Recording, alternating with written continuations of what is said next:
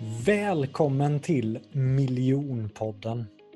Det finns tusentals föreläsare, coacher, konsulter där ute, men bara ett fåtal kan faktiskt försörja sig på det. Så frågan är, vad är det de personerna gör annorlunda? Varför lyckas vissa personer som föreläsare eller coach och vissa misslyckas? Det jag vill beröra i den här podden, det är det affärsmässiga med att vara en föreläsare, coach eller frilansare. Hur säljer man in sina tjänster? Hur paketerar man sitt erbjudande? Hur ska man marknadsföra sig själv? Hur ska man approacha sig själv i sociala medier? Hur bygger man varumärke? Detta och mycket, mycket mer kommer jag intervjua några av Sveriges främsta experter inom området. Jag själv, Jonathan Ljungqvist, har 10 års erfarenhet från att jobba i den här branschen och jag har också jobbat för och med några av världens främsta coacher. Så att jag är så taggad och inspirerad att ge dig som sitter här och lyssnar hemligheterna bakom det affärsmässiga med att lyckas som föreläsare, coach eller frilansare. Nu kör vi igång! Varmt, varmt, varmt välkommen tillbaka till Miljonpodden. Och idag sitter jag här med en superstjärna som vi har hört förut i Miljonpodden i avsnitt 5 om jag inte minns det helt fel. Och det här avsnittet var så uppskattat och det var så många frågor som kom i efterhand så till slut kände jag att nej, jag måste ta in Joella Skog igen. Får man kolla på hennes senaste år också så känns det ju verkligen som att det är det senaste året som det har fullständigt exploderat. Jag hade med Joella på ett eh, nätverksevent här i helgen och folk var ju så starstruck i Joella. Och det var som att när hon klev in i restaurangen att, amen, hon har som en, den här glansen kring sig som är så häftig och eh, säkerligen inom någon månad eller något år så vet alla i branschen vem Joella Skog är. Och idag ska vi inriktningen på det här samtalet kommer vara så säljer du in dyra premiumpaket utan allt för mycket enskild coachning och allt för mycket samtal i de här processerna. Det är ett territorium som jag inte har pratat med någon gäst om innan, som Joella verkligen utmärker sig kring. Och sen så sa jag och Joella det igår, att vi kommer verkligen ha en dialog idag, för vi hann inte snacka så mycket i lördags, men eh, snarare ett gött snack om de här ämnena med, de här, med den här inriktningen helt enkelt. Hur, hur känner du med detta Joella och varmt välkommen tillbaka till Miljonpodden. Men tack snälla, du är så bra på att göra introduktioner och man, eh, man blir ju generad. men, eh, men jag är jättetaggad på att prata med dig idag om det här ämnet för det känns också som att vi har sagt att vi, vi borde snacka om det här så det är kul att vi gör det och spelar in det för det känns som vi lika gärna hade kunnat ha det här samtalet också privat och bara liksom dra learnings från varandra. Så det är det jag ser fram emot att jag tror att lyssnaren kommer höra learnings från oss båda och vi får learnings av varandra, vilket känns så kul och så spännande. Ja, men det är det som, det känns ju ändå mycket mer generositet, generositetiskt. Jag vet inte ens om det är rätt Generöst. Ja, gen Tack, vi börjar bra här. Men, men, just att hade vi haft det här samtalet, du och jag hade lärt oss jättemycket, men det stannar där. Men att vi nu kan bjuda in till det här samtalet så att andra också lär sig om det, det känns ju väldigt meningsfullt tycker jag. Verkligen, jag håller med. För jag tror att det, liksom, som du vet också och som vi många vet som coacher som lyssnar på det här avsnittet så är ju branschen fortfarande ganska ung i Sverige så det är inte liksom så många som har åstadkommit liksom jättemycket än i branschen för att det är fortfarande så ungt i Sverige om man tittar jämfört med USA. Så jag tror det är viktigt att liksom prata om business kring coachingbranschen för att liksom ge den kunskapen till andra och lära oss av varandra för att vi ska kunna växa hela branschen i Sverige. Ja, men snyggt, och jag menar, jag vet ju att både du och jag har ju väldigt mycket förebilder i USA och internationellt, men det känns som att Sverige ligger way efter och på något sätt går jag igång på att eh, ja, men hitta de bästa i Sverige och tillsammans skapa som en våg där vi höjer standarden i Sverige så att vi kan jacka på helt enkelt. Är inte du taggad på en sån grej, Joella? Jo, jo verkligen. Alltså jag, jag tycker absolut vi ska höja standarden i Sverige och ja, levla hela den här branschen. Verkligen. Idag ska vi göra det i det här avsnittet. vi lägger allt ansvar. höga förväntningar. Allting hänger på det här samtalet. Vad, eh, hade du en bra helg med oss, Joella? Jo men verkligen, alltså det var superkul och jag vet att när du bjöd in till det här eventet så var det liksom självklart att jag bara måste gå på det här nätverkseventet för jag vet ju att alla i din community är otroliga och folk som lyssnar på din podd och dina klienter och det är verkligen, känns verkligen som att du hjälper och du har jobbat med typ de flesta stora coacherna i Sverige känns det som på något sätt liksom. Så jag visste att det här skulle vara ett superbra event och det var det verkligen. Eh, och det var jättekul att träffa många som följer mig på sociala medier, också några klienter och gamla klienter och, och träffa dig i verkligheten första gången, även om vi bara hann i princip säga hej och hej då. För det var så mycket folk att prata med och det var liksom Sen blev man trött och klockan blev halv tolv och jag kände nu måste jag åka hem med det här spöregnet. Körde hem. Ah. Typ, var livrädd på vägen hem för det var spöregnade klassiskt västkusten. Ja, det är ju helt sjukt att det var första gången vi träffades fysiskt. För jag tänkte ju att, ja men vadå, jag träffade ju alla på miljonkursen, men då var ju du med digitalt. Ja, exakt. Att, eh, det och det var inte riktigt samma sak, för jag fick sitta där liksom på en dator och hallå, här är jag! och jag förstår att den, den uppstarten med Hooks herrgård är liksom eh, superkul. Och det var ju för sig jättebra för mig med, men jag förstår att det är en helt annan grej om jag hade varit där i verkligheten också. Och det var ju nu då ungefär två år sedan. Och det coola ja, med, med dig tycker jag är att, men för två år sedan, självklart var det många som visste vad du gjorde, vem du var, men det går inte att jämföra hela ditt personliga varumärke och den du är idag jämfört med för två år sedan. Det har hänt så sjukt mycket för dig. Vad, vad beror detta på främst, Joella?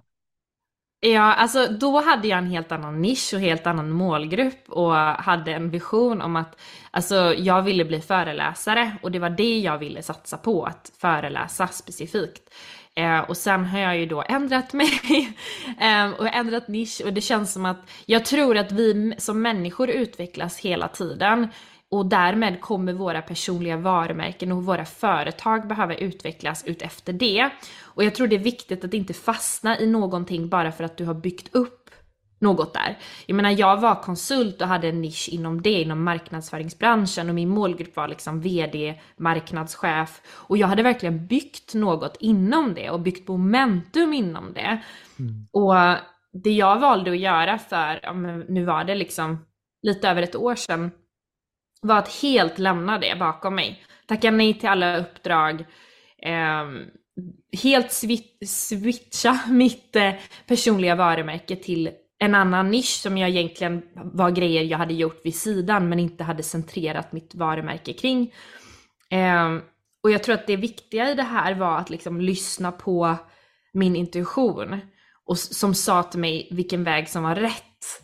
Eh, och inte försöka fastna i, men nu har jag ju spenderat så mycket tid och energi att bygga upp mitt företag inom den här nischen så ska jag inte bara köra på det här utan verkligen våga släppa allt om du vill, du vet, bränna ner allting. Gör det liksom. Byt. Ändra allt. För sen blir det ju, alltså ju längre du väntar desto mer kommer du ju bli missnöjd där du mm. är och sen kommer du ändå behöva ändra någonting. Så att våga göra det direkt eller så fort som möjligt när det känns liksom någonting skaver. Våga ändra.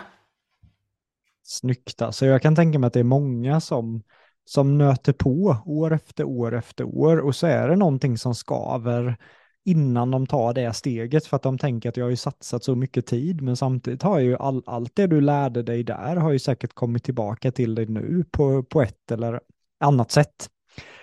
Men jag tänker Joella, jag när jag var i mina 20s. Jag låter som en gammal gubbe. Men eh, då var inte det, var... det var inte så länge sedan heller. Alltså, du är fortfarande ganska ung så det var liksom, ja. vad var det, typ ja, det ett sant. år sedan? ja, nu är jag ju då 31. Men jag tänkte mer när man var 19-20 då jag hatade sådana här nätverksevent. Jag tyckte det var skitjobbigt och folk blev fulla och jag visste inte hur jag skulle föra mig. hur ska man göra ett gott intryck? Och det är först nu som jag har kommit att, att uppskatta det. Vad, vad känner du är ett bra tips kopplat till att gå på nätverksevent? Ja, alltså jag känner igen det där. Eh, jag gillade inte heller det. Jag tyckte typ att mingla, gå på mingel och nätverksevent var typ det värsta jag skulle kunna tänka mig att göra. För jag, jag tycker det här med att stå och småprata med främlingar är nog det tråkigaste som finns. Alltså, eh, jag tycker fortfarande det, så därför behöver man ju faktiskt inte småprata, utan det handlar ju om vem man träffar och vad man pratar om såklart. Men jag kände, jag, jag kände inte att jag var så bra på det heller, så helt ärligt skulle jag säga att det där var någonting som hindrade mig i jag trodde att jag aldrig skulle kunna starta företag för att alla sa att nätverka och ha, utveckla ditt nätverk är viktigt. Um, och jag gillar inte att nätverka liksom. Så hur ska jag kunna driva företag? Det kommer inte gå. Det var en sån här sanning jag hade, falsk sanning jag hade för mig själv. Och nu tycker jag det är kul. Men jag vill inte gå på nätverksevent hela tiden utan det blir lite mer selektivt och det är därför jag också gjort mycket online och byggt mitt nätverk online helt ärligt för att sen ta det från den onlinevärlden till det fysiska, att jag gärna lär känna folk och bygger mitt nätverk online och sen kan man fördjupa det i verkligheten. Så jag förstår, jag förstår precis. Men hur känner du att du kom, hur kom du över den där rädslan då? Oj, det var, ja nu gör du en Erik tänkte jag säga. Ah. Jag, jag bara, bra svar nästa fråga och nu kastar du tillbaka. Och jag gillar att du är ändå sårbar där, för jag kan tänka mig att det var, det var många på, i lördags som var, kom fram till mig och bara, Åh, jag vet inte om jag vågar gå fram och prata med Joella. Tycker du, kan inte du gå fram och introducera mig till Joella? Och jag sa, äh, gå och prata med henne bara. Jag kan tänka mig att många ser dig som att du inte har några brister, att du är helt perfekt och, och just att du då öppnar upp och säger att äh, men jag tyckte att det här var jobbigt eller det här är inte någonting som alltid har varit naturligt och det, det tycker jag är viktigt för lyssnarna att, eh, att höra. Men, eh, jo, till... men det är fortfarande inte helt naturligt för mig. Jag menar, jag, jag, är inte hund, jag är inte jättebekväm i det. Jag är ju definitivt fortfarande lite nervös och det är klart att jag kan bli lite så här blyg också när folk kommer fram till mig. Um, alltså det är ju en helt annan sak att vara i ett rum med massa människor än att så här, vara online och känna att jag sitter hemma i min liksom comfort zone och känner mig avslappnad liksom. Så jag kan mm. fortfarande tycka det är lite nervöst. Men ja, berätta, hur, ja. hur kommer du över det? Nu köpte jag mig tid här, märkte du det? nu måste jag också säga något smart. Nej, men jag, jag insåg nog tidigt att jag, jag gillar inte alkohol så mycket, så när folk blev väldigt mm. fulla, det var nog det mycket det handlade om, att jag, att jag kände personer utanför fester och så, men sen när de blev fulla och de skulle, ah, Jonathan, det var nog där jag blev osäker från den första början, att jag hade svårt att föra mig med fulla människor och alkohol i bilden och jag tyckte det var så märkligt okay. att alla blev så annorlunda med alkohol. Måste jag då dricka? Jag gillar ju inte ens att dricka, jag kände en press av att, av att dricka och gjorde det ibland och då blev det ju inte så bra heller när man känner sig tvingad till det. Men jag kom in i själva nätverkningstänket mycket tack vare faktiskt Michel Saliba, Alexander Morads eh, jag tror det är kusin, han tog in mig som gästföreläsare i Stockholm när jag var ung. Och ja, jag är kanske ung fortfarande då, men det var ganska många år sedan. Och då såg jag kraften av att föra människor samman och också kraften i att vara den som för människor samman. Så att det var det som blev skillnaden sen när jag startade mina egna nätverksevent och faktiskt var den som connectade människor. Då behövde jag inte riktigt vara den här uppsökande och gå fram till folk och hej, hej, jag heter Jonathan, för det kan jag nog fortfarande känna lite så här halvstelt, men om, om jag är den som äger eventet och, och har, har samlat folk så är folk så himla glada och tacksamma. Eh, och i den energin har jag mycket lättare att, att föra mig så att jag älskar att, att hålla i eventen själva. Vad, vad, känner du med det Joella? Jo men jättebra, jag håller med dig faktiskt. Jag höll i ett event i våras. Det var simpelt men, men det märktes att folk, det var, folk uppskattade att bara träffas och connecta med likasinnade och bara stå och prata, dricka lite bubbel och lite snacks och stå och prata, att det blev att jag gick runt och fyllde på folks liksom bubbel. Men det kändes som att det här eventet handlar inte om mig och jag vill inte att det ska göra det heller. Utan det här är liksom om att låta folk träffas. Ja. Och det är också väldigt givande, precis som du säger, för det är när man connectar folk i sitt nätverk så känner man ju, jag känner ju att jag gör något bra, så jag känner att det känns bra för mig. Mm. Och det är bra för den andra, de andra två personerna också. Det är liksom win-win-win när man connectar folk med varandra. Så det är också någonting som känns som bara väldigt positiv grej. Mm. Och sen alltså kraften av, att få, kan jag få folk att garva? I början av eventet, jag vet inte om du tänkte på det när jag kickade igång i lördags, jag gör ju alltid lite så här spexigt, folk är inte beredda. Och, och då blir det inte att man har den här tråkiga middagen utan jag vill integrera med gruppen, jag vill applådera, jag vill dra något skämt, få folk att garva, kan jag sätta den tonen så fort som möjligt under eventet, då tycker jag att folk släpper garden mer och känner att det här är en annorlunda ett annorlunda event. Här kan jag vara mig själv.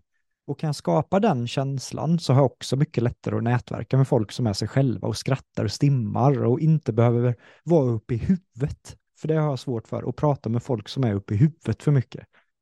Ja, men det där är jättebra tips. Jag pratade ju faktiskt i lördags på eventet med några andra föreläsare om det här och de sa också att de brukar göra samma sak. Alltså bara ibland mm. nästan låtsas att de gör något misstag eller att de bara för att få folk att slappna av. Så jag tyckte det där är ett väldigt bra tips till, till lyssnarna också att integrera det när man ska föreläsa eller hålla event eller något sånt där. Jag, jag tar också till mig det tipset framåt.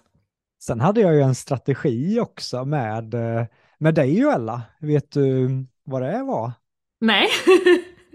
det var faktiskt att jag, jag ville att, okej, okay, här kommer Joella Skog till mitt nätverksevent, vilket också bidrar till att alla blir ännu mer glada. Så jag ville att du skulle verkligen känna dig som en stjärna. Det var därför jag också ville lyfta dig inför alla och öppna upp för att folk verkligen som då inte visste vem du var kanske vet om dig så att du verkligen känner att du fick ut saker från den här kvällen och du vill komma tillbaka till nästa event. Det var mitt mål.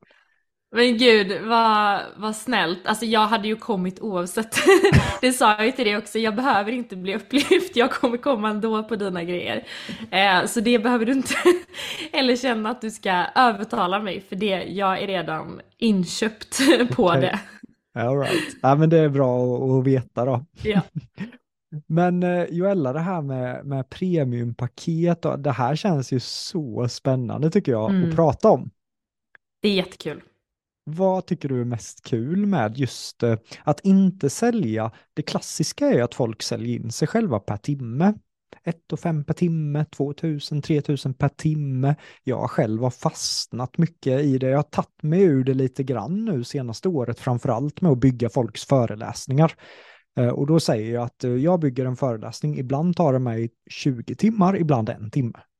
Och då lägger jag pressen mer på mig själv, vilket har varit skönt. Men, men du är ju en master på just bygga premiumpaket, sälja in premiumpaket. Så vart ska vi börja i den här änden egentligen, Joella? För det är ju allt ifrån hur du postar som leder till det här, som leder till det här.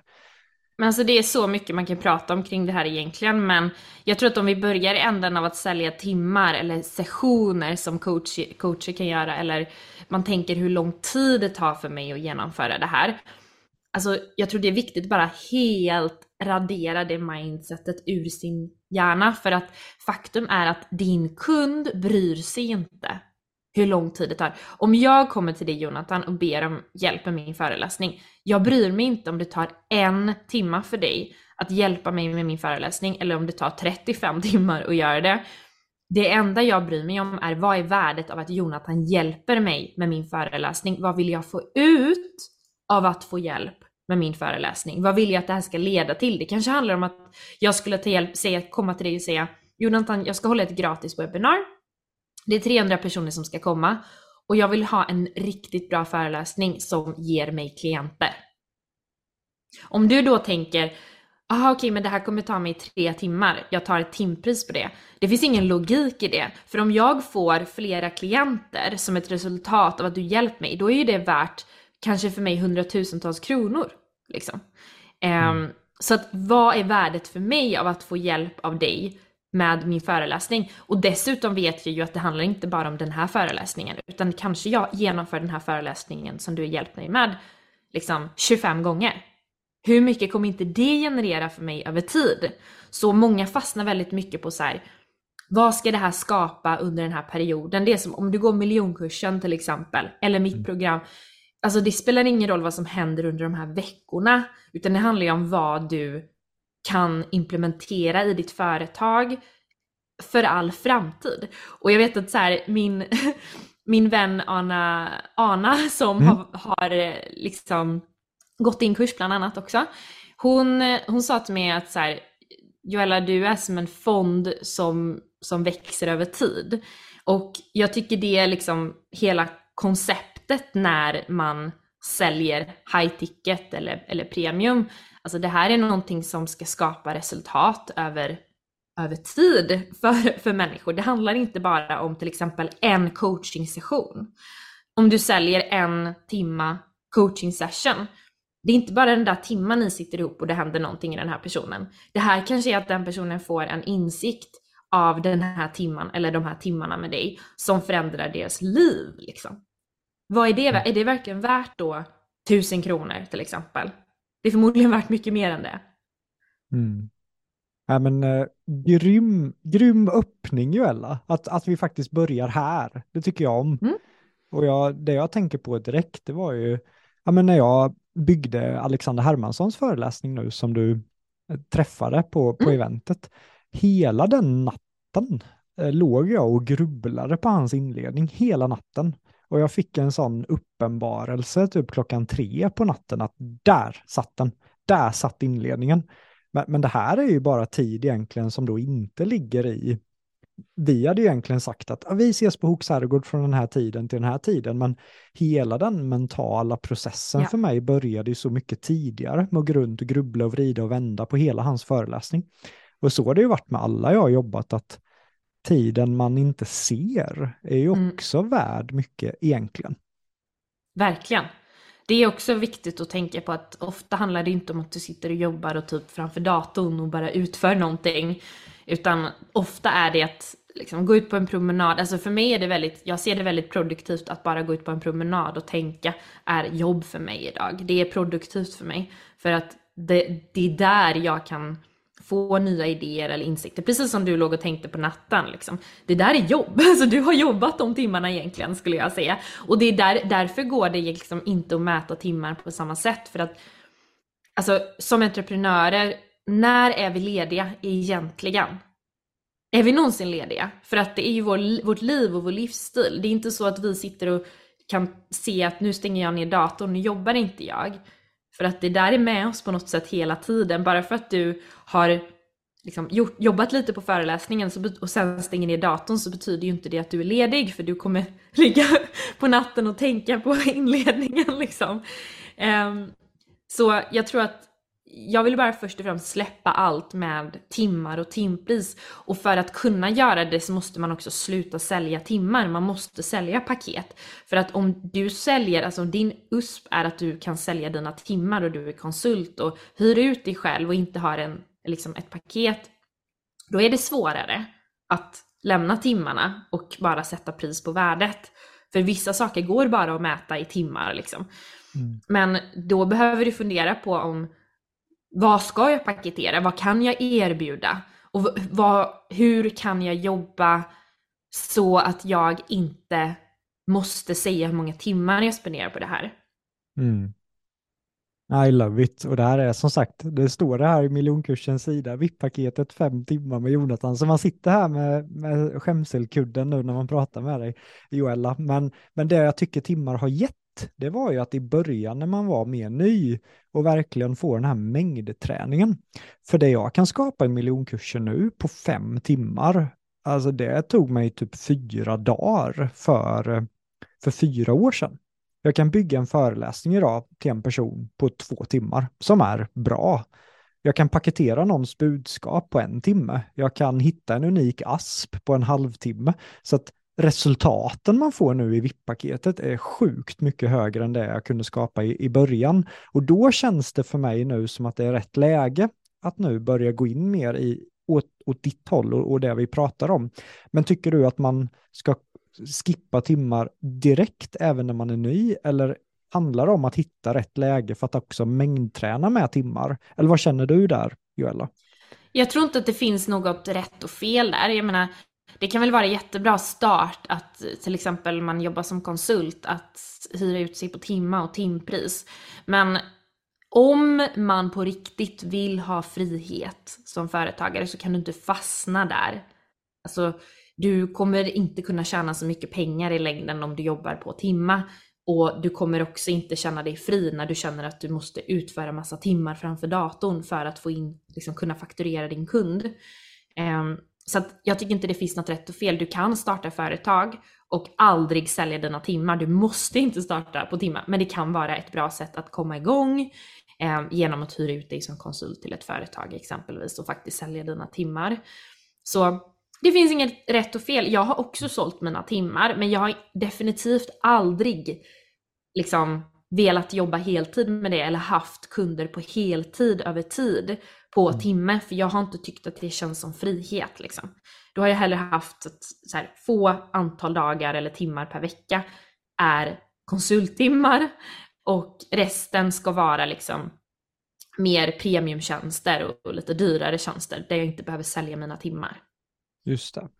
Men jag tänker att med VIP-paketet på miljonkursen så har det ändå varit just timmarna, fem timmar med mig som har varit att folk ungefär hälften av alla som har gått miljonkursen har gått vippen. Så då kan man tänka hur många timmar jag har suttit Joella. Alltså jag kan ju säga så här att jag kan ju säga att så här, jag har kollat liksom dina priser och säger jag tycker ju att du ska sätta högre pris på ditt VIP-paket.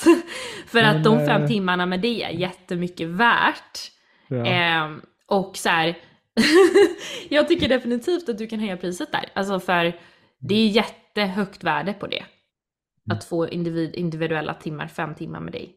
Men då är ju min kontrafråga här, Joella, att om man inte då ger resultat med timmar, hur skapar man då? För jag vet ju att jag har hört, jag försöker lista ut Joella också vad du gör och grejer, så jag hör ju ibland från andra och grejer. Men, och jag vet inte ens om du vill prata om det, då får du ju bara säga pass. Men just hur kan man skapa samma resultat utan att använda sig av enskild coachning? Kan man ha mm. Slack och vara tillgänglig i text? Kan man skicka lomfilmer eller vad är ditt svar på, ja, på det? Nej men det är såklart, det kan jag absolut prata om. Um, så det jag har valt att göra, för att det viktiga i det här är att på ett sätt, jag jobbar ju individuellt med alla mina klienter på något sätt. Det är bara det att de flesta av mina klienter jobbar jag inte i form av att värdet för dem är att sitta med mig individuellt på Zoom. Det är mina, mina VIP-klienter får också one-on-one på Zoom med mig och då jobbar man med mig över 6 eller 12 månader. Eh, men i mitt liksom, program som jag har, där är det att de får Slack-support och de får personlig feedback på sitt material. Så det viktiga när det kommer till att sälja high ticket och ett premiumprogram, det som ofta skiljer ett premiumprogram från liksom inte premium är mer intimitet, vilket innebär alltså närhet till dig handlar det ofta om på något sätt. Mm. Och det kan vara one-on-one coaching sessioner, det kan vara loom-filmer, vilket för er som inte vet är när man filmar sin skärm och ger feedback på något till exempel, eh, filma sig själv och skicka den länken sedan till kunden. Eh, det kan också vara chatt, det kan vara röstmeddelande. Det finns olika sätt men något som känns lite mer VIP-känsla. Eh, som inte innebär att du till exempel har gjort en kurs och de får göra den på egen hand och sen så, sen så gör de allt själva helt enkelt och får ingen personlig support. Så ofta är det det som skiljer liksom VIP och premiumpaket från icke-VIP premiumpaket. Mm. Ehm, så mer, ju närmare de kommer med dig, ju mer inti, intimitet de får med dig, desto mer premium blir det. Och det är det du har skapat också Jonathan med, med ditt VIP-paket. Liksom. Då får man ju närhet till dig, man får one-on-one sessioner med dig. Och personligen så har jag känt att jag liksom, jag tror att alla coacher vet det också, du kan inte ha för många klienter, du kan inte ha för många one-on-one Zoom-samtal ja. utan att sitta morgon till kväll i, mm. framför Zoom hela tiden. Och det kan hända att folk, vissa älskar det och det är bra för dem. Men personligen så har jag inte velat göra bara det. Jag älskar att ha några sådana klienter. Så jag har några VIP-klienter och då har de olika antal lektioner i sitt paket.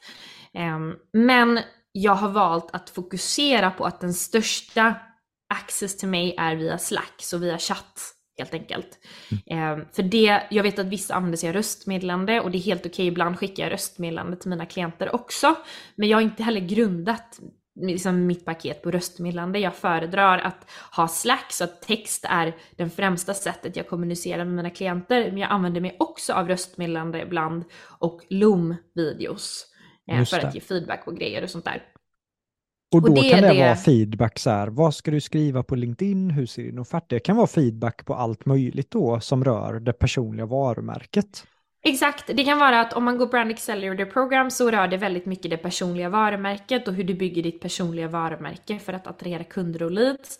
När man är en VIP-klient så handlar det ofta om att skapa premiumtjänster och sälja premiumtjänster och skala sitt bolag, sälja mer, marknadsföra mer och så vidare. Så det är ofta personer som kanske inte bara behöver bygga sitt personliga varumärke och attrahera kunder och leads utan också behöver paketera sina tjänster och sälja dem. Mm. Så, så det är olika beroende på vad, vad man är för klient och vil, vilket av mina upplägg man, man går. Men det kan vara till exempel eh, att de vill ha feedback på sina inlägg eller så kanske de ställer en fråga. Vad tycker du om den här nischen till exempel? Eh, vad tror du om det här är min idealkund kan få feedback på det.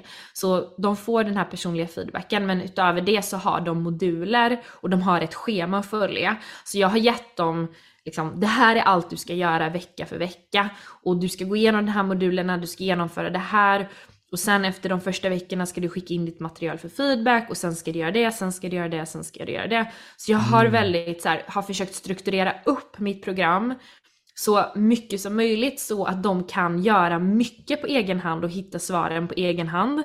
Och sen använda mig som en mentor egentligen. Liksom inte ställa frågor som så här, hur ska jag tänka när jag skriver ett inlägg? För det har de svaren på i min mm. plattform. Men mer ha lite mer genomtänkta frågor till mig så att jag kan, de kan använda mig på ett liksom mer high level nivå, på en high level nivå och ställa mer genomtänkta frågor kanske än så här, hur funkar det här? Hur beskär jag en bild? Eller så, här. Eh, så jag har försökt verkligen så här, guida dem hur de ska använda mig också och när de ska använda plattformen och när de kan använda typ Google eh, eller YouTube för att hitta svaret liksom.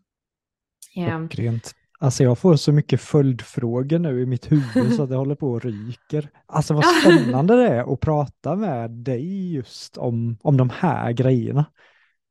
Ja, nej men det är jättekul. Och det är också viktigt att säga att så här, det är också såklart att det kan låta som att hjälp var jobbigt att vara tillgänglig på det mm. sättet för klienter hela tiden.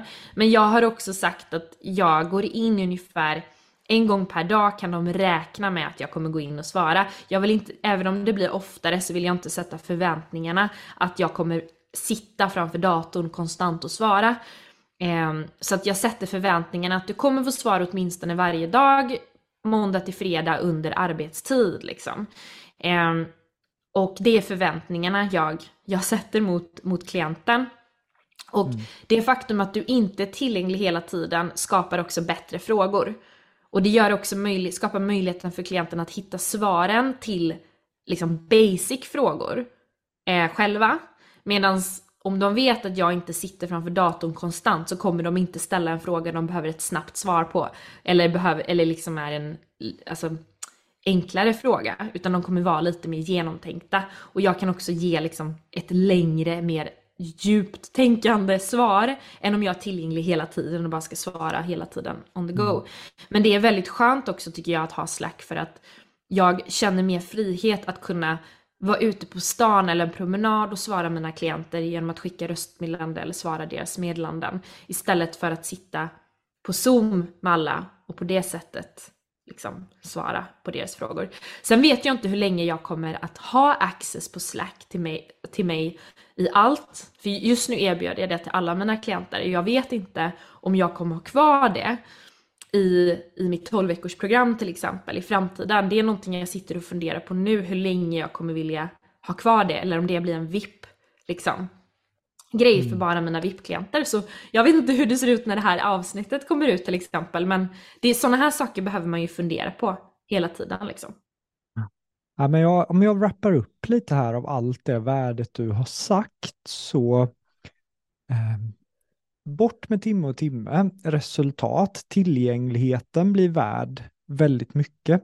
Och där tänker jag ju att jag är ju fullt tillgänglig i våra messengergrupper, men det är ingenting som jag ens skriver i sidan eller någonting, så jag skickar, jag gör ju det du sa där i mina messengergrupper utan att jag ens har med det på något sätt att det här ingår i standardpaketet till exempel.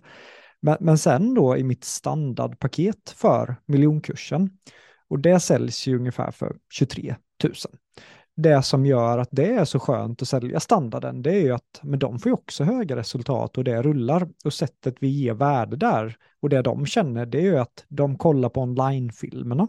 Så en onlinekurs tillför ju väldigt mycket värde där. Där finns pdf-er, det är värde. Nätverket är värde. Zoomkvällarna i grupp blir jättemycket värde. Så i standardpaketet rullar det väldigt bra nu utan min tid då. Så att eh, nej, jag tog med mig jättemånga konkreta grejer här och sen det du sa att vara tillgänglig en viss tid. Så man inte är tillgänglig hela tiden. Och också vara konkret, att kom till mig med riktiga frågor. Verkligen konkreta case.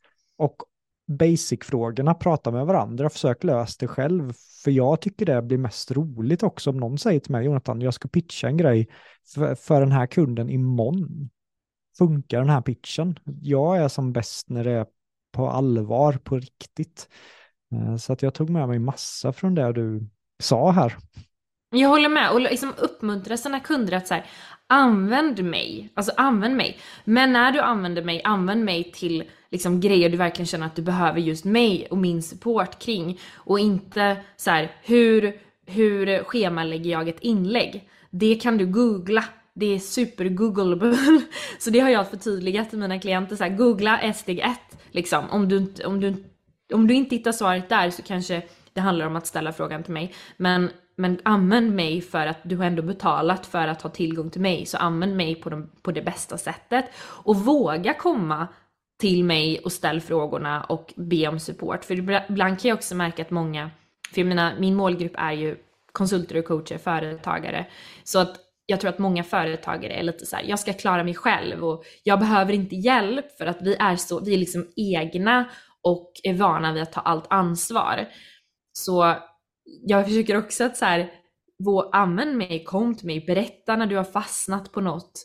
Om det är något som inte känns tydligt, om du känner att du får du har liksom mindset eh, blocks eller någonting, bara berätta det för mig istället för att låtsas som att så här, jag klarar mig själv och jag behöver ingens hjälp. Så det blir den här balansgången av att använda mig på ett bra sätt men våga också använda mig för att du ändå du har betalat för det, det ingår liksom. Mm.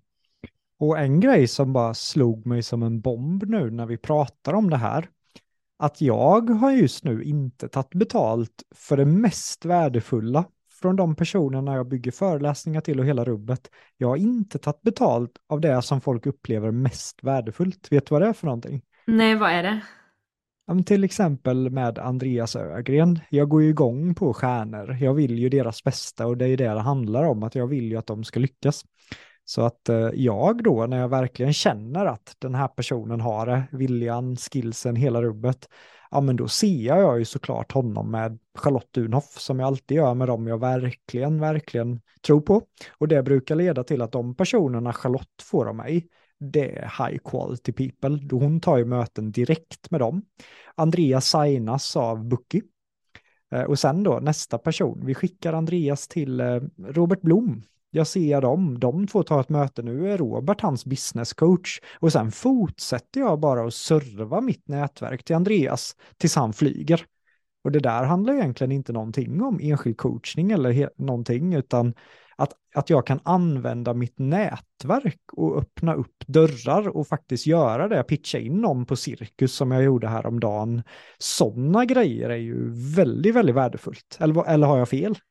Jag skulle säga att det är jättevärdefullt. Jag tror att så här, jag tror många av dina klienter också vet om detta och att det är en, en anledning till att de går med. För jag skulle säga att det skulle jag säga att bland annat jag upplever det också av att gå med och sådär att wow vilken möjlighet att så nätverka och människor du lär känna och att komma i kontakt med Jonathan och hans nätverk. Det är en jättestor USP skulle jag säga. Men du kan nog lyfta det ännu mer i typ mm. content på sociala medier och sådär tror jag. Eh, att prata om hur du har hjälpt dina kunder utan att bara ha dem i miljonkursen utan exempel på hur du har connectat folk. Men jag tror att folk redan har förstått det, för det är det okay. som händer. Så jag tror att folk pratar om det på det sättet. Okay. Eh, ja. men, men jag tror att du kan lyfta det ännu mer. Och jag tror väldigt mycket på att när man har premiumpaket eller säljer vad som helst, att lista upp allt som ingår och allt som kan upplevas som ett värde för kunden. För då skapar ju det en känsla av oj vad mycket som ingår och liksom Mm. allt det här värdet för det här priset. Så verkligen att liksom, det kan du definitivt lägga till mer tycker jag. Ja, men jag satt och grubblade på det när du pratar. och jag vet ju att du kör Brand Accelerator Program mm. och det är så roligt tycker jag nu hur folk, ja ah, hej då Jonathan, nu går jag till Juella och så att folk börjar hoppa mellan mm. våra kurser tycker jag bara är svinkul. För det är Jättekul. det som sker mycket i USA. De, de har ett nätverk och de hjälper varandra och la la la och det var ju det jag ville öppna upp för mer i Sverige, att istället för att konkurrera bara hjälpa varandra och växa. Men jag vet ju att ditt program är 12 veckor, mitt program är 6 veckor. Och jag valde 6 veckor bara för att Russell Brunson, en av USAs främsta inom funnel, sa att det är den optimala tiden. Så jag blev nyfiken på varför valde du 12 veckor och hur mm. ser mm. själva den processen ut? Kör du en uppstart? Kör du eh, gruppcoachning på Zoom? Eller hur ser ditt program ut från A till Z?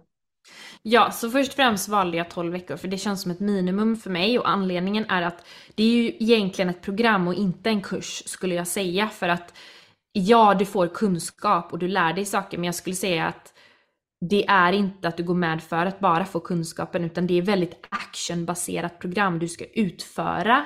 Och när du börjar posta på sociala medier och börjar bygga personligt varumärke och skapa content som attraherar kunder, det tar ju också tid att bygga upp. Så jag ville se till att de får, kommer igång ordentligt och många av mina klienter får också resultat under tiden de jobbar med mig. Sen är det såklart inte säkert att de får det under liksom, de 12 veckorna, men det är flera som får det. Så att jag ville liksom ge dem så mycket tid som möjligt att få den supporten och skapa resultat under tiden de jobbar med mig. Eh, utan att det blir för långt också, för att tre månader är en ganska bra commitment. Längre än det kan kännas som en större commitment. Och då är det VIP man, man liksom blir hos mig. Då blir man en VIP-klient och jobbar 6 eller 12 månader. Så jag tyckte att 12 veckor kändes som en bra liksom, Eh, inte för långt, inte för kort. Eh, och de har ett schema de följer för vad de ska göra vecka per vecka. Och i början är det väldigt mycket fokuserat på att lägga planen och strategin. Och sen handlar det om att utföra den här planen och strategin med min hjälp. Posta content helt enkelt. Skriva och skapa content och posta det och få feedback av mig och hjälp av mig. Ehm, och följa min metod och strategi för hur du bygger ditt personliga varumärke och attrahera kunder till dig med ditt content. Så varje, on varje onsdag har vi också livesessioner på Zoom och då brukar jag föreläsa om ett specifikt ämne. Jag brukar gå lite på känsla vad det är jag tycker de behöver just nu, vad de behöver höra. Och sen så har jag också börjat implementera en ny grej, vilket är expertsessioner. Jag plockar in så experter, utvalda experter som har ett område de är duktiga på och får gästföreläsa hos, hos mig för mina klienter. Det är också en grej jag har plockat in. Ehm, och sen mellan alla sessioner så har de också Slack kontakt med mig, de har sitt egna arbete att utföra, de får personlig feedback på det.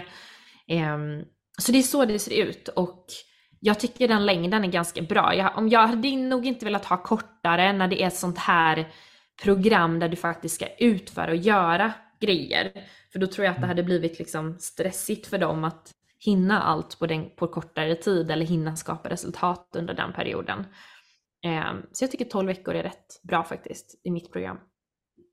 Snyggt. Och jag menar sådana här beslut, alltså att sitta själv som man ibland gör. Ska det vara 10 veckor, 12 veckor, ska det vara tre veckor, vad ska det kosta? Det är, det är så många beslut man strategiskt tar. Bollar du då, jag vet att du jobbar mycket med mentorer och att du investerar mycket själv. Är det här saker du bollar med mentorer eller kommer du på sådana här saker själv eller hur? Hur tar du effektiva och träffsäkra beslut? Jag har bollat med mentorer mer förr skulle jag säga. Nu för tiden gör jag det min mycket mindre i det vardagliga för att jag tycker jag har eh, lärt mig ta egna beslut ganska bra och liksom hitta svaren själv. Dessutom tror jag att om man har jobbat med mentorer så har man alltid någon sån här känsla av what would they say liksom om jag frågade det här. Så man har ju en känsla av att man, man bär med sig dem alltid liksom. Eller människor man, som har hjälpt en på något sätt. Så jag skulle säga att jag bollar inte så mycket längre det här vardagliga faktiskt, utan det kanske händer då och då att jag har någon större grej jag vill ha support kring, men oftast inte lika mycket så bollar jag inte lika mycket. Men jag tror att det är också för att jag trodde förut att det fanns ett rätt svar till saker. Att du ska göra så eller så. Men faktum är att det finns inget rätt svar, utan det finns bara olika sätt att göra det på. Det finns olika strategier, det finns olika vägar till, dina, till ditt mål. Så i slutändan så handlar det ju om vilken väg jag vill ta och vad som känns bra för mig, inte vad som är rätt eller fel. Liksom. Och det är väl en mognad jag har gjort kanske senaste året, att så här, kommit till den insikten jämfört med kanske ett år sedan när vi pratade sist, att så här, det finns inte en väg liksom. Du behöver inte göra varken som mig eller Jonathan för att lyckas med ditt företag, utan vi kan ju bidra med våra lärdomar och insikter och säga att du kan göra det på mitt sätt, eller du kan göra det på Jonathans sätt, eller du kan göra det på någon annan sätt, men vilket sätt attraheras du av? Vad får dig att gå igång på att liksom vilja bygga ditt bolag? För om du väljer en strategi som inte känns bra i magen, men du gör det för att någon har sagt till dig att göra det, så kommer det sluta med att du känner dig ganska så här unaligned i, din, i ditt företag. Och det, du kommer ändå inte kunna skapa resultat för att det känns inte som att du gör det på ett rätt sätt, du gör det inte på ett autentiskt sätt. Mm. Det var också därför jag slutade med säljmöten till exempel, för att så här, uh, jag vill inte göra det här. jag vet att man kan, jag vet att många gör det, jag vet att så här, folk lyckas med det, men det känns bara som fel sätt för mig att bygga mitt bolag på. Så mm. ja. Coolt att du jackade in i, i just det här med säljmöten, för det, jag skrev ju till dig i frustration på Instagram för några veckor sedan efter en dag där jag typ hade tagit tio säljmöten och där såg jag att du postade någonting att ha lär dig att fylla dina kurser utan säljmöten. Jag bara, hur gör man det egentligen? För att det känns som att en sån stor del. Jag har ju min, mina funnels. Många, podden är ju ett sätt där jag ger väldigt mycket värde. Folk blir intresserade av kursen, hittar till säljsidan och där vill de ofta ta ett samtal med mig. Och vissa vill bara ta ett samtal med mig för att snacka, även om de redan har bestämt sig. Men det här är ju någonting som tar mycket tid.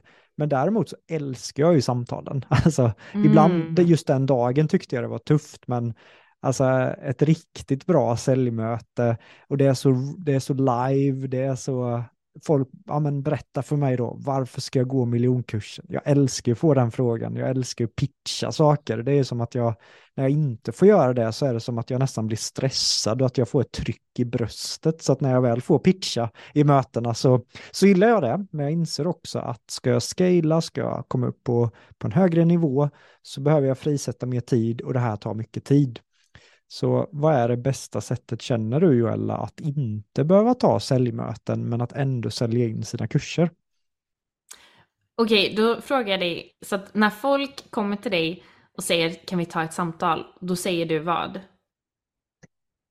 Jag eh, brukar känna av där att ibland har jag ju faktiskt inte tid och då säger jag det. Men för mig är det en, om någon säger till mig att Jonathan, jag älskar podden, jag har kollat på dokumentären som vi har om hela kursen så att jag inte får några, det du pratar om, inte dumma frågor, men frågor som finns mm. där ute. Jag vill först se till att innan jag tar samtalet, lyssna gärna på podden, se om du gillar mina värderingar. Här är en dokumentärfilm om hela kursen. Mm. Kolla gärna på den och se om det här är något för dig. Kolla gärna mm. sidan och se om det här är något för dig. Och om du har gjort allt det så tar jag gärna ett samtal med dig. Mm. Men i samtalet brukar jag också vara tydlig att jag har 30 minuter. Mm. Så att jag försöker men... ändå kvalificera samtalet. Mm. Ja men det är jättebra, det är jättebra att du gör det. Men så här, jag kände att jag inte liksom trivdes med att ha säljsamtal för att jag är ganska här, introvert av mig. Jag gillar inte att vakna på morgonen och känna att min kalender är fullbokad av massa samtal med människor. Och jag kände också, märkte också att oftast de som blev min klient, de hade nästan bestämt sig innan mötet ens skedde att de var så pass intresserade att de ville gå med. Att det är sällan jag har liksom gått från att någon är jätteointresserad eller, eller liksom ljummet intresserad till att under ett säljsamtal göra dem eh, liksom till en klient. Och det jag skulle säga är att det handlar inte om att jag är så himla grym på sälj, att jag bara skiter i säljsamtal. För, att, för så, det är det som är grejen liksom. Jag tror att du är nog mycket bättre än mig på det där. Jag kan säkert lära mig från dig när det kommer till att liksom, sälja på det sättet. Men jag kände att kombinationen av att jag, liksom, när jag inte kände mig liksom, taggad på att ta de här samtalen, då kom jag in i en energi som inte var jättepositiv i samtalet. Jag kunde verkligen försöka, men om jag kände mig redan dränerad, jag kanske kände mig pessimistisk av att någon hade sagt nej precis innan. Um, och jag kände att jag ville egentligen inte sitta i det här samtalet och personen upplevdes ljummet intresserad och hade bokat mötet och det kändes som att de slösade lite min tid. Det gjorde att jag fick ganska mycket negativ, negativ energi i mitt företag.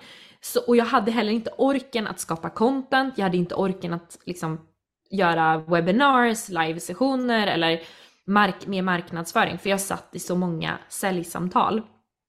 Så jag kände att så här, men gud, måste jag bygga mitt bolag på det här sättet? För vad är nästa steg då om jag skalar på det här sättet? Det är ju att anställa säljare och ha ett säljteam och så ska man sedan hantera de människorna, lära upp dem och man ska ge dem någon typ av provision.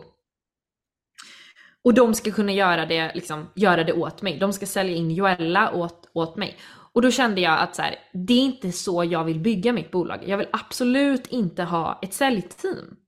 Alltså inte nu i alla fall, vem vet, fråga mig om några år. Men jag vill absolut inte ha ett säljteam vars jobb är att sitta i möten om dagarna. Och jag ska dessutom ge dem provision på det. Det, det kändes som ett väldigt komplext sätt att bygga mm. bolag på som jag inte vill. Jag vill hela tiden förenkla, förenkla, förenkla, förenkla. Så det jag insåg där var att steget för att sluta ta säljsamtal var att först och främst tro att det är möjligt att sälja utan att ta säljsamtal. För mitt mindset kring det var superviktigt. Jag behövde genuint tro att det här går för att det skulle kunna gå. Jag behöver normalisera att inte ta säljsamtal. Det, det är liksom ditt mindset. Precis som att gå in i mindset med sälj, alltså när du har ett videomöte eller telefonsamtal så behöver du ju ha ett mindset att det här kommer gå bra. Jag kan sälja nu. Samma sak om du vill sälja DM eller på sms eller något sånt där. Eh, så behöver du gå in i det mindsetet att det här kommer gå. Jag vet att det här kommer bli skitbra och personen kommer vilja köpa från mig. Ehm, och nästa steg var att så här, när folk frågar om samtal, att säga att du inte erbjuder säljsamtal. Sen kan man säga det på ett bra sätt. Ehm, jag brukar säga bland annat kanske jag tar begränsat antal, antal möten varje vecka och jag tar därför inte, jag tar därför bara möten med mina klienter till exempel. Ehm, man kan säga det på något bra sätt men ofta frågar inte folk kanske det första meddelandet de gör, så här, kan vi ta ett möte, kan vi ta ett samtal? Ehm, utan de säger jag är intresserad liksom. Och då är det ditt jobb att leda klienten från det att de hör av sig till dig, så behöver du leda dem till liksom nästa steg. Och jag brukar också försöka komma ifrån det genom att säga att så här, jag brukar alltid kolla först om det här är relevant för dig och sen kan vi ta ett samtal om du skulle vilja. För det är klart att jag är okej okay med att ring, alltså, ta ett telefonsamtal om de känner att de bara vill prata med mig i 10 minuter för att göra det sista beslutet. Men det har hittills typ aldrig hänt, det händer väldigt sällan i alla fall. Sen den andra aspekten är att du behöver ju också vara villig att förlora affärer på det. Alltså det, det kan hända att du förlorar affärer på det eller inte förlorar affärer på det. Jag kan inte veta till 100%. Det jag vet är att min omsättning har ökat sen jag gjort detta. Men jag vet ju inte såklart om jag hade haft ännu högre omsättning om jag hade tagit säljsamtal eh, och, och gjort det riktigt bra. Det vet jag ju inte. Men jag är okej okay med det. För att, för att liksom, det faktum att jag vaknar upp på morgonen och inte har ett enda säljmöte i kalendern är guld värt för mig. Liksom. Mm. Det är guld värt och det har gett mig så mycket mer energi i livet och i företagandet och mer inspiration som jag lägger i min marknadsföring. Så att jag har ju också en marknadsföringsstrategi som stöttar min möjlighet att inte ta säljsamtal. Om jag bara bestämde mig från ingenstans och inte hade marknadsföringsstrategi vars syfte är att skapa känslan som mina kunder får i ett säljsamtal så skulle det vara svårare. Liksom. Mm. Wow, kände jag. jag. Jag brukar ha papper framför mig och om du undrar ju Ella varför mina ögon ibland går ner så att du inte hakar upp dig på vad, vad håller på med. Det är ju för att jag tar massa notes. Ja. Eh, så att jag sen kan jacka in så att, eh, så att du vet det också. Det borde jag säkert sagt i, i början av, av Nej, men jag vet att, jag ser att du gör det. Okej, vad bra. Um... Nej, men just det här, det första du sa då att mindsetmässigt, att faktiskt mm. jag tror på det, för jag tror det är där jag har jackat eftersom att det är en av mina då starkaste verktyg. Att, att inte nyttja det är ju för mig att det tar ju emot. För jag vet hur höga hitrate jag har i de här samtalen, men, men jag är alltid öppen öppen och testa och jag fattar ju styrkan av att inte behöva göra det. Så just det du sa där, att, att faktiskt tro på att det är möjligt.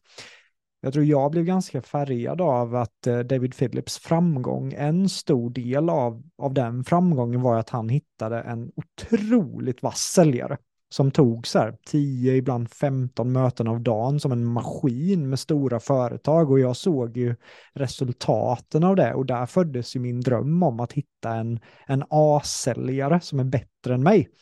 Och det är det jag är så taggad nu med att Max Sten till exempel har kommit in i, i, i bolaget på ett sätt. Och han kirrade så här multimiljardbolag hans första vecka. Och det var så himla häftigt att, att känna att jag har Max Sten som kan ta sådana möten.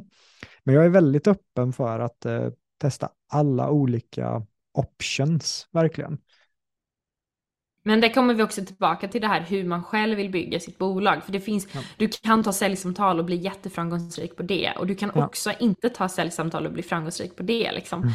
Så det handlar om hur du vill driva ditt bolag och hur du vill bygga ditt bolag. Och jag kände att jag hellre just nu och kommande liksom i framtiden vill inte behöva ta säljsamtal. Så jag, det är därför också jag lägger extremt mycket tid och liksom pengar och energi och allting i min marknadsföring för att det ska göra jobbet som mina säljsamtal kanske gjorde så att säga. Ehm, mm. och jag tror att så här, som sagt, vill man ta säljsamtal, gör det. Men det är också inte så skalbart för i slutändan ska du också sitta och hjälpa dina klienter och jobba med dem. Och om du bara sitter i säljsamtal så blir det ju att ditt jobb är att sälja in ditt, dina tjänster men aldrig jobba och marknadsföra. Så jag ser det som att vi har ju ansvar för sälj, marknadsföring, leverans som vd i vårt, vårt bolag. Så att vi måste ju hela tiden jobba med att förbättra där. Sen har du kanske Sen har du mindset, det är också en grej du behöver ansvara för. Och sen så om du har personal eller människor du jobbar med ska du ansvara för dem till exempel. Eh, och din ekonomi. Så det är mycket saker som vi behöver hålla koll på i, ja. i vårt företag. Så jag tror det handlar om så här, hur kan jag förbättra sälj? Hur kan jag förbättra marknadsföring? Hur kan jag, har jag, känner jag att jag kan ge energi till alla de här delarna. För att det jag kände då var att sälj tog så mycket energi att marknadsföringen och leveransen inte var på den nivån jag ville att det skulle vara. Liksom. Mm. Så och mindset också. Så alla, jag hade låga nivåer på alla aspekter i mitt bolag och mm. säljet fick ta allt. Så det handlar om att hålla de här liksom, jämna, ger jag min energi och attention till alla delar som jag som vd behöver ha koll på. Jag tycker att det här är återkommande också i hela samtalet, att man får också utnyttja sina egna styrkor och det man själv tycker är kul och bygga på det. För när du sa till exempel slack i skrift, ja men som en dyslektiker som, det var en som frågade mig idag, vill du spela paddel på fredag? Eh, och så svarade jag, det är smakat. Han bara, smakat? Frågetecken. Och sen bara, nej det är snackat. Han bara, snackat? Jag bara, förlåt, jag, jag skrev att det är smackfullt. Så jag, alltså, text för mig är ju inte världens högsta självförtroende, så bara att kommunicera i skrift gav mig direkt lite så här, för min del hade det varit tufft. Jag för mig mycket bättre muntligt, men det är det här som är så bra också, att man kan inspireras av personer som kanske ligger lite före, men man behöver inte göra exakt som de gör, utan vad är kul, vad ger energi och bygg på det. Exakt, och jag känner att det är skitkul med marknadsföring. Jag tycker det är så kul att så här, spela in content, skriva content, marknadsföring. Så jag vill egentligen lägga mer tid på det så att det kunde sälja åt mig än att sitta i individuella samtal och sälja på det sättet. Så att det är ju verkligen så här, vad är din styrka och, och liksom kapitalisera på dina styrkor. Alltså verkligen. Och det är inte min styrka att sitta i ett säljsamtal. Alltså jag är inte jättebra på det. Alltså, och jag tycker inte det är så kul, så jag menar, varför ska man? Så det är det som är så häftigt, vi kan ju faktiskt göra som vi vill i våra företag. Och jag tror att det är väldigt viktigt är att, och jag brukar säga det också till mina kunder, när de ber mig om råd, att jag brukar säga att så här, gör så här, det här tycker jag att du ska göra, det här är mitt råd, liksom. Men du kan också strunta i att lyssna på mitt råd, liksom. Gör det som känns rätt för dig. Men var tillräckligt mogen att förstå varför det inte känns bra. Är det att du känner att din intuition säger till dig att jag inte ska lyssna på Joellas råd? Eller är det att du känner motstånd för du är rädd för att göra den där grejen eller att du har växtverk i ditt företag eller något sånt där. Så att som, som klient också kunna ta till sig råd och veta när man inte ska lyssna på råd. För man behöver absolut inte göra allt som jag säger att man borde göra. För det faktum att jag säger vad du borde göra är bara grundat på min erfarenhet, min expertis och vad jag tycker och mitt, liksom, mitt, mitt perspektiv. Och, men vi måste alla ha med oss det i vårt företag. Okej, vänta nu, det är ju faktiskt jag som är vd i mitt bolag och om jag tar hjälp av en mentor eller coach eller expertkonsult det här är inte de som ska bygga mitt bolag, det är jag som bygger mitt bolag. Jag tar beslut. Så mm. hur kan jag använda mig av experter bara för att bli bättre och ta in andra perspektiv?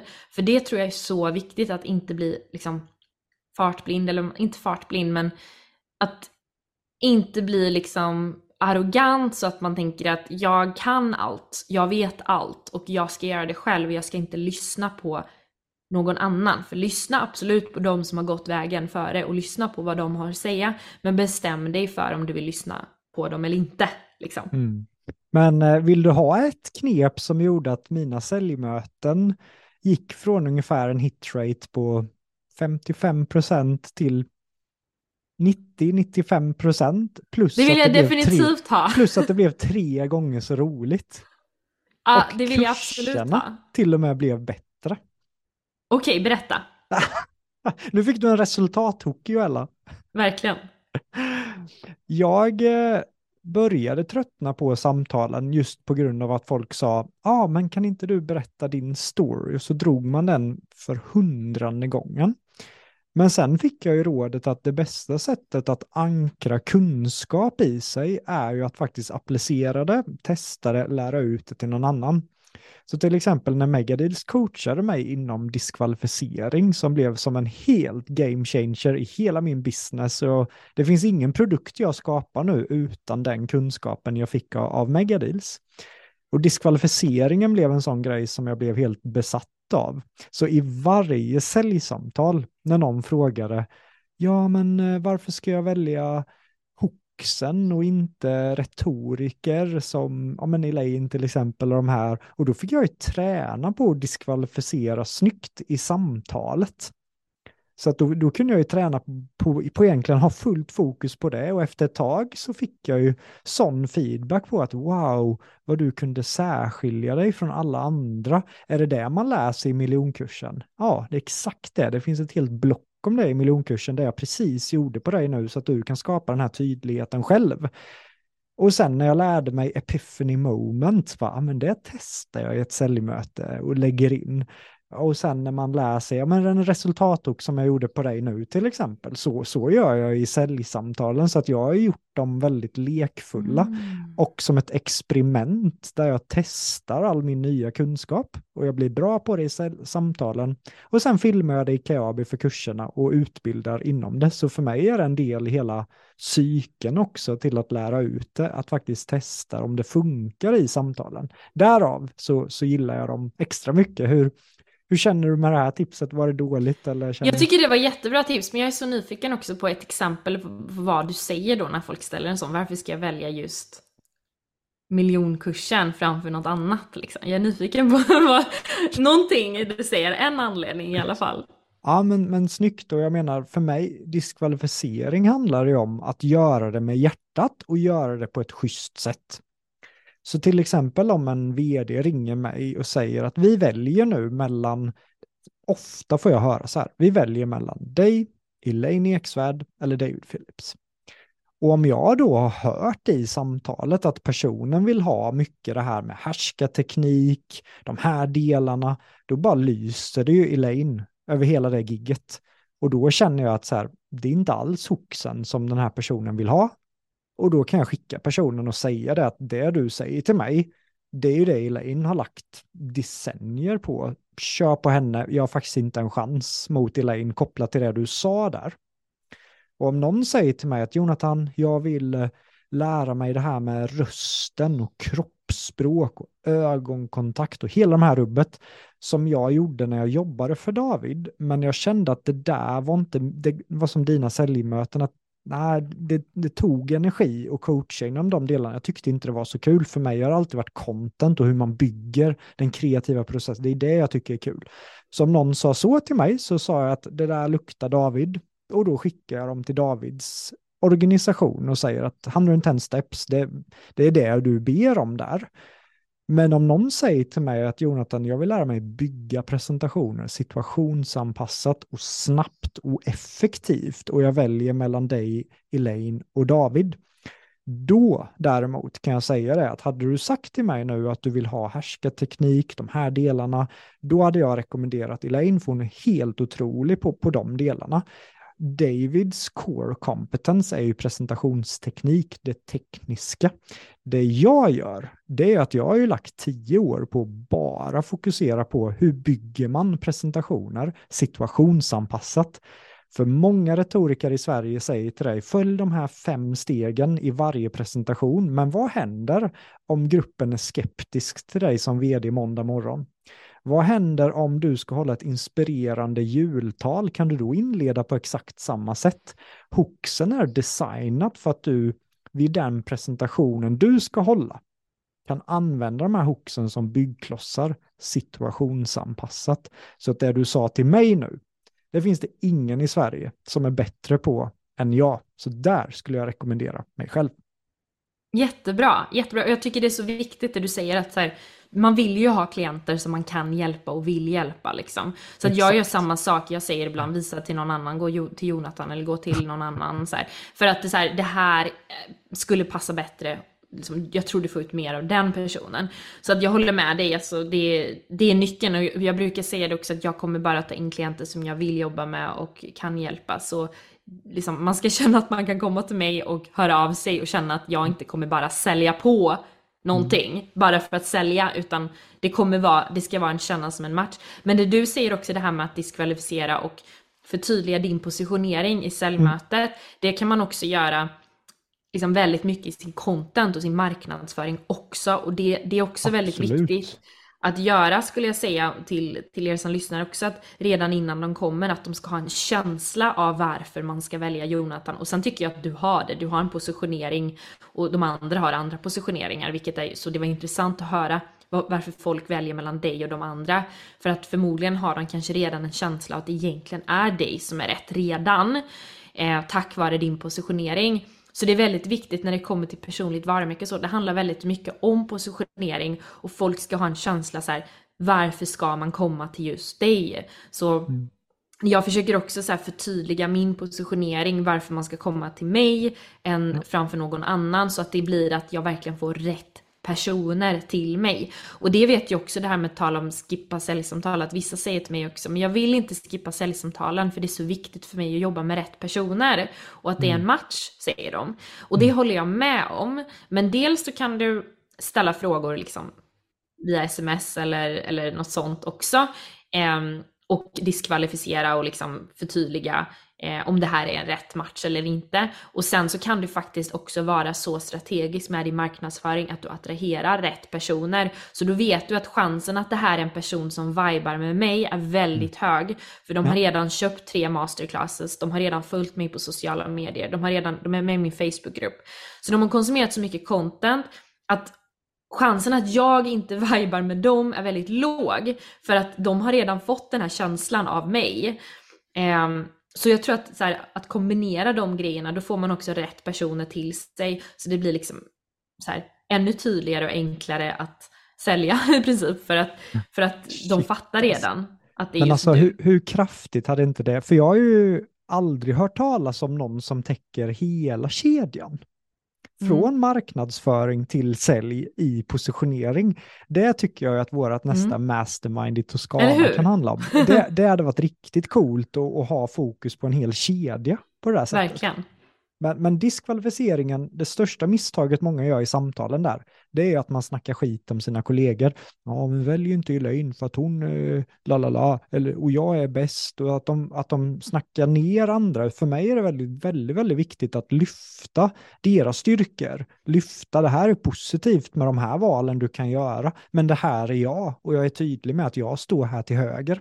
Och så är det ju med miljo, hela miljonpodden skapades ju med diskvalificeringen att okej, okay, vad intervjuar Pärleros om? Ja, men mer deras story och de här delarna. Kristin Kaspersson har sin twist, men är det någon podd i Sverige som, som lägger fullt fokus på det affärsmässiga med att vara en kritör, föreläsare, coach? Inte en enda. Och då skulle det bli enkelt för folk att om man är en föreläsare som vill få fart på, sina, på sin business, då är miljonpodden top of the game för just det. Och det är exakt mina klienter också. Ja. Så att jag skapar ju produkter också med det här tänket. Ja, nej men det är jättebra. Så verkligen ha en supertydlig positionering så att det blir tydligt. För det är därför man ska också inte vara för bred och inte försöka vara för generell och försöka säga jag hjälper lite olika typer av personer med lite olika saker och jag, har, jag är väldigt bred och du får lära dig allt om business om du kommer till mig. För det blir liksom din konkurrens, alltså det är väldigt många konkurrenter där ute i så fall. Men om du har en sån tydlig positionering, det är det här jag gör, då blir du go-to-personen för de som behöver just dig. Så verkligen att så här nischa ned sig och ha den där, det här är Ja men det här är miljonpodden till exempel. Det är det här du kan förvänta dig av miljonpodden. Du kommer inte bara ta in vem som helst och intervjua. Du har en väldigt tydlig målgrupp för den här podden och du tar in en viss typ av liksom, gäst. Mm. Istället för att då blir ju du den enda podden som gör det i princip. Eller liksom en av få eller kanske den enda som, som riktar sig på den här nischen. Ja, för jag menar jag ser att du är med i många poddar nu Joella runt om och jag kan tänka mig att ändå du upplever ibland när du är med i andra poddar att okej okay, nu pratar jag om det här igen. Det har jag pratat om tidigare. Ja, skitsamma, jag kör. Eh, men när du är med i miljonpodden så får du prata om saker du inte förhoppningsvis har pratat om lika mycket. Exakt, och jag gillar det. För då blir det liksom att, ofta när jag är med på poddar annars börjar, drar jag min story från början och så här. Och det är klart att det är en aspekt som man behöver göra, men sen kan det vara väldigt mycket liknande frågor och så här, samma saker. Så vissa människor går ju och lyssnar på mig i flera poddar och då hör ju de kanske samma grej hela tiden.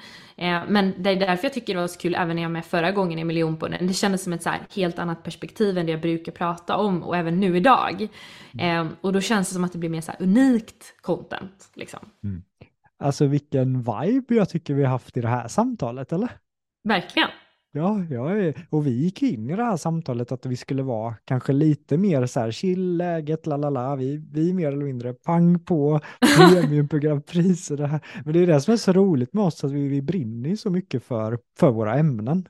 Verkligen, ja, det, det är jättekul. Ju, det finns ju en grej som du fick mycket Ja, men dels de som höll med och de som inte höll med. Så mm. jag tänkte att det här är ett roligt ämne för Lukas också att klippa ut. Det här blir Ja, spännande. nu blir det lite provokativt ja, och, och den, det var ju det du postade om, att ja, men vad, vad krävs egentligen för att vara någons mentor? Och du menar att en mentor ska ha gått igenom resan själv, ska ha varit och stått inför de utmaningarna som du står för och tagit dig igenom dem. Men sen var det vissa i kommentarsfältet som skrev att ja, men kolla på José Mourinho, han var inte fotboll, eller jo, han kanske var proffs ju, eller jag vet inte riktigt. Men det finns ju vissa fotbollstränare då som inte har varit proffs själva, mm. som leder lag framgångsrikt. Och då mm. vet jag att vissa började argumentera med dig mm -hmm. just hela den ideologin. Och sen vet jag att du counterstrikade och högg ner den sen. vad, vad, vad, är din takeaway på att vara någons mentor? Det var nog en, det mest eh, liksom, provokativa jag kunde skriva som jag inte förväntade mig skulle vara provokativt faktiskt. Jag trodde att fler skulle hålla med mig om det här. Så jag blev, det jag kan säga så här, jag fick ganska många som inte höll med mig i kommentarsfältet men det var väldigt många som skrev till mig privat höll med mig. Men inte vågade skriva det av någon konstig anledning publikt. Jag vet inte varför. Men exakt det jag skrev var att jag tycker att en business coach eller en mentor ska ha gjort, liksom genomgått resan själv och gjort det de lär ut eh, innan de själv liksom börjar sälja sina tjänster av att hjälpa andra människor med det.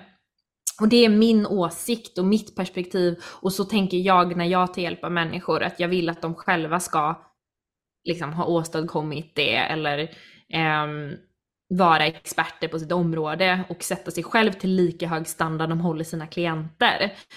Eh, och det jag skulle säga är att många drog en liknelse till sport och det jag, jag tror inte man behöver dra liknelse till alla saker. Visst, nu pratade jag faktiskt om business och liksom lite mindset också i och för sig, mindset business. Den om, det området, jag tycker i och för sig det om livs och liv, livscoaching och allt sånt där också. Ehm, men mitt perspektiv i det inlägget handlar om business och inte om sport. Så vi behöver inte dra en liknelse till sport anser jag, för det är svårare att liksom vinna fotbolls-VM än det är att driva ett företag till exempel. Alltså så här, Ja, jag tycker att man inte behöver dra liknelser till allting, utan jag drog ju specifikt kring det här området. Och det, det jag tycker är att du behöver liksom inte ha åstadkommit exakt det jag vill åstadkomma för att jag ska ta hjälp av dig. Men du behöver åstadkommit något inom området du lär ut för att jag ska ta hjälp av dig. Så det betyder att om jag går till en mindset coach så måste inte de ha skalat sitt bolag till liksom multimiljoner. Utan de, jag förväntar mig att de själva har ett bra mindset, själva lever ett liv de trivs med och att de dagligen jobbar på sitt mindset hårdare än de förväntar sig att jag ska göra. Förstår du vad jag menar? Aj, så liksom, jag personligen det är väldigt viktigt för mig att jag lär endast ut saker jag själv har gjort och åstadkommit. Och det är därför det är roligt, för jag vill ju hela tiden levla upp också för att jag ska kunna hjälpa fler och fler och fler med liksom komma längre och längre fram. Um, och, och, det är en princip jag har i mitt företag och det är så jag tänker när jag tar hjälp av människor också, att de ska själva ha åstadkommit någonting, vare sig det är att om jag tar hjälp av en säljcoach, då förväntar jag mig att det här är personer som är jäkligt grymma på att sälja, har sålt mycket, har åstadkommit något inom sälj. Om jag tar hjälp av en mindsetcoach så har de ett bra mindset och jobbar dagligen på sitt mindset. Om jag tar hjälp av en businesscoach som ska hjälpa mig skala, då förväntar jag mig att de har skalat bolag. Alltså det här är base level för mig. Det här är hygienfaktor och jag blev jätteförvånad att det var många som inte tyckte det. Men det är helt okej. Okay. Alltså så här, all, alla tycker vi olika och jag tror att så här, men för mig är det väldigt viktigt att leva som jag lär. Och mm. att lära ut det jag har gjort och åstadkommit, inte andra saker. Liksom. Så jag är väldigt tydlig också med att jag skulle inte vilja ta in en klient som vill längre fram än jag är kanske, för att jag har inte varit där, jag har inte anställt, jag kan, jag kan inte ge dig råd om hur du ska anställa. Liksom. Mm. Så det var, det var, Nej, jag, eh, det var mitt perspektiv. Vad tycker du om det här? Nej, men jag tror folk kanske missuppfattade dig, att de tänkte att man kan inte vara mentor, lalala. men det du pratar om är ju mer, snarare block egentligen.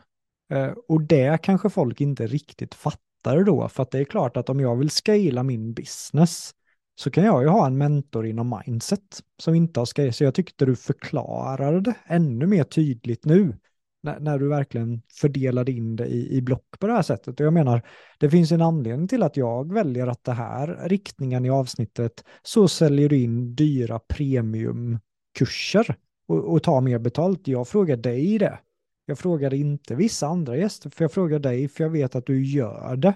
Du tjänar miljoner på det. Det är klart jag vill höra vad du har lärt dig och vad du har gått igenom.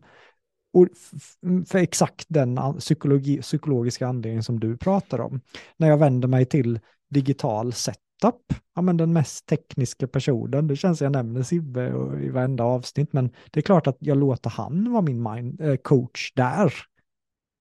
Ja, och jag tror att vissa handlade om att missförstånd, men det andra aspekten tror jag också var att vissa inte höll med av perspektivet av det här sportprincipen, att du ska kunna för det jag tror att många tycker att de, det räcker med att utbilda sig till coach, ta, gå en coachutbildning och då har du alla kompetenser för att coacha folk i vad som helst. Och det är det perspektivet som jag inte riktigt håller med om. Jag tror att man kan använda sig av sin egna livserfarenhet och hitta sin nisch inom det. Så vad har jag gått igenom? Vad har jag gjort? Kan jag koppla det till min coaching? Men det är mitt perspektiv och det är min åsikt och alla kanske inte håller med om det. Men jag personligen skulle inte gå till någon bara för att de har en coachutbildning utan för att de har åstadkommit något inom ett område jag vill åstadkomma och håller sig själv till en väldigt hög standard inom det området så att säga. Um, så, att, så att jag tror folk kan tycka olika och alla väljer vi våra mentorer och coacher av olika anledningar liksom. Men mm. mitt perspektiv är alltid så här, jag vill känna att personen har åstadkommit det jag vill åstadkomma. Um, jag vibar med personen, liksom. Um, det är jätteviktigt skulle jag säga. Um, och att de har rätt värderingar, att de har rätt värderingar när det kommer till bygga bolag eller jobba med sitt mindset. Att det liksom linjerar med vad jag tycker och vad jag liksom känner också. Så så ja, alla har olika åsikter men det är kul att vi tog upp det här för jag tycker det är bra att vi kan prata om något som kan vara en vattendelare. Ja, men det är alltid roligt tycker jag när någonting får mycket reaktioner. Eh, mm. Det, är, eh, det är spännande också, ibland läskigt tycker jag. Och sticka ut hakan för mycket. Att, eh, ja, alltså jag fick sånt meddelande från folk så här, tyckte att det var modigt att jag vågade skriva så. Men jag är så här, men helt ärligt, jag måste kunna vara autentisk och, säga, autentisk och säga vad jag tycker och vad mina värderingar är och hur jag ser på saker. För att någonstans, de som tycker, inte tycker som mig, det är helt okej. Okay. Alltså, det är mm. lite som så här, det är inte meningen, vi bygger inte personligt varumärke och driver företag och postar content på sociala medier för att bli älskad av alla liksom. Det är inte det finns inget syfte bakom det. det. Det är inte det som kommer bygga ditt bolag. För att det kommer vara folk som inte gillar det du har att säga och det du tycker om din bransch och så vidare. Men det kommer vara folk som gillar det du har att säga och håller med dig. Och de kommer ju attraheras mer av dig. Om man bara skapar mm. liksom content som känns väldigt fluffigt och mjukt och fint och alla liksom gillar det och det känns som att det är massa solstrålar och det är liksom inte det som kommer dra folk till dig. Alltså, det är ofta att så här, våga stå för något. Alltså det är så du sticker ut och bygger ditt varumärke. Verkligen våga stå för något och säga vad du tycker och vara ärlig. Liksom. Mm. Um, så att man ska inte vara rädd för att så här, skapa vattendelare eller, eller liksom få kritik eller sådana saker. Utan jag tycker ju det här, alltså genom att låtsas som att jag inte tycker det så skulle jag ju vara sjukt inautentisk och, och liksom, det tycker jag i alla fall. Jag måste visa vem jag är liksom. Mm. det, det tycker jag. Ja, men jag tänker att det här sekvensen får vi klippa ut och göra något eh, roligt. Klockan börjar lida mot sitt slut här Joel och jag tycker vi har fått med hur mycket som helst under det här avsnittet. Är det någonting du känner att ja, men jag vill säga det här också, om det är, vare sig om det är premiumpaketen eller samtalen eller om det är något sånt som du tänker att det här har han inte frågat nu. Ja, men om vi kopplar till det här med premiumpaket och hur du kan sälja premiumpaket lite till allt annat vi pratat om. Mm. Alltså fundera på vad du verkligen vill hjälpa folk med, som du också gärna har lyckats med på något sätt. Om vi ska koppla det till det vi pratat om idag. Alltså, om du är en coach och vill bygga ett premiumpaket, du, du kanske kan koppla det till din egna arbetserfarenhet eller livserfarenhet, någonting du har åstadkommit. Det var det jag gjorde med Brand Accelerator Program. Jag hade byggt mitt personliga varumärke från noll. Jag attraherade kunder och leads via min närvaro på LinkedIn. Så jag paketerade den erfarenheten och kunskapen jag hade i ett program för att hjälpa andra med det jag åstadkommit. För du är alltid din egna bästa testimonial. Du kan mm. ha klienter du har hjälpt, det är superbra och du har bra testimonials. Men det faktum att du lever som du lär och att du har själv åstadkommit det du lär ut andra, det är det som kommer vara liksom det starkaste du kan sälja, din egna story. Så hur kan du paketera din story till ett program? I love it. Det var ju som att det svaret vävde upp hela, mm. hela intervjun. Och eh, det var så miljonkursen också skapades. Så att när jag var 19 bestämde jag mig för att bli föreläsare och under den resan så vann jag SM-guld i tal och TEDx och hela rubbet och lyckades. Och sen skapades en kurs baserat på alla de lärdomarna som, som jag gjorde under ett decennium i, i branschen. Och jag tror att det vill jag också ta upp som så här, några av i den här branschen, inklusive dig och så här, toppcoacher i branschen, har åstadkommit det de lär ut. Som vi till exempel, alltså du och jag och Palvasha och sådana här. Det, det är också därför folk kommer till oss. Så att så här, jag tror att man, man kan titta också, titta på andra liksom. Och det behöver inte bara vara att man åstadkommit någonting i business och pengar, det behöver inte alls handla om det. Det kan handla om mindset liksom, det kan handla om någonting annat. Men um, precis, och det är därför folk kommer till dig också, för att så här, du, har, du har lyckats som föreläsare, du är skitduktig på det du gör, du har gjort ett TED-talk och sådana här grejer, det stärker din kredibilitet enormt mycket. Liksom. Man vet att man får hjälp av en expert. Vem, eh, jag vet ju att du har lyssnat på några avsnitt i Miljonpodden. Finns det något avsnitt i Miljonpodden som du vill rekommendera? För vi vet ju att vi vill rekommendera ditt första avsnitt, men det har ju de flesta säkert lyssnat på. Vad, finns det något annat avsnitt i Miljonpodden som du kände att det där gav mycket värde? Men alltså jag skulle säga att det är flera bra avsnitt, men jag gillar ju verkligen både Palvashas och Nadjas avsnitt. Båda pratar lite om money mindset, fast på olika perspektiv. Och jag gillar verkligen båda perspektiven.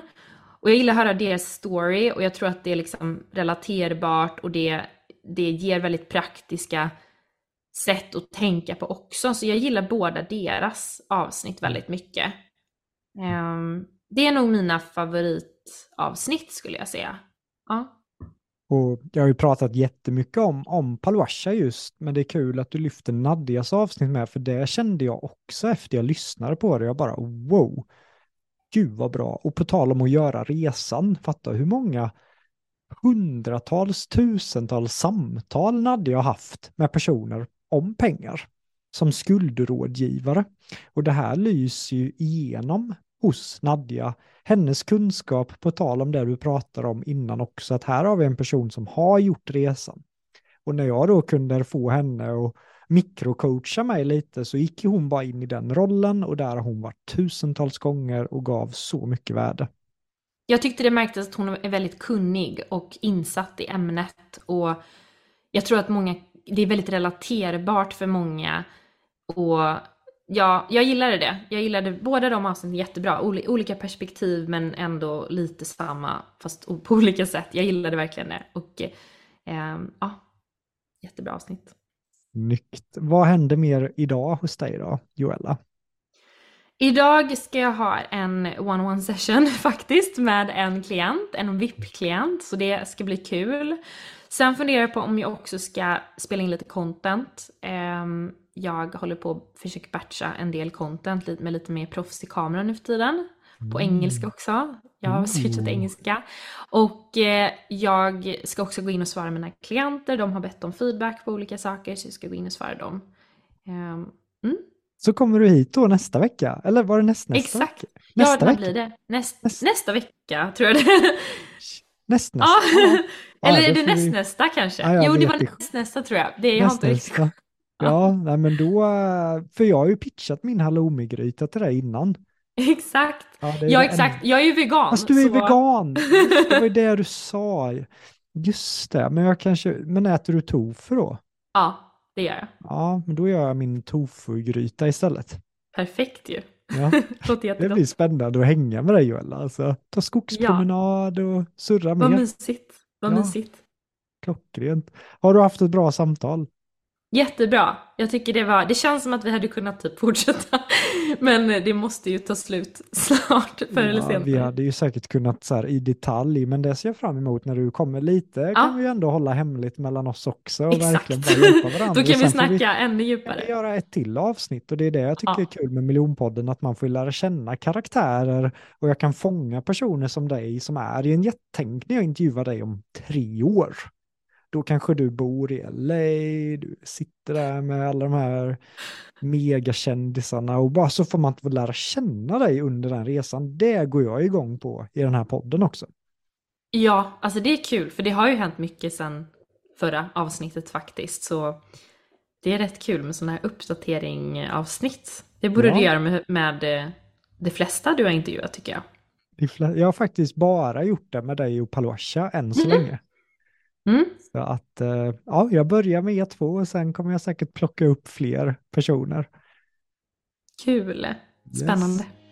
Ja, tack för att du har lyssnat på avsnittet med mig och Joella. Skriv gärna till oss, dela gärna vidare det här avsnittet och vi lägger Joellas eh, länk till hennes sida för hennes kurser och program här under avsnittet. Och eh, jag önskar dig en magisk dag, en magisk morgon, lunch, kväll, vad det nu är för tid när du lyssnar på det här avsnittet. Ha det så bra allihopa!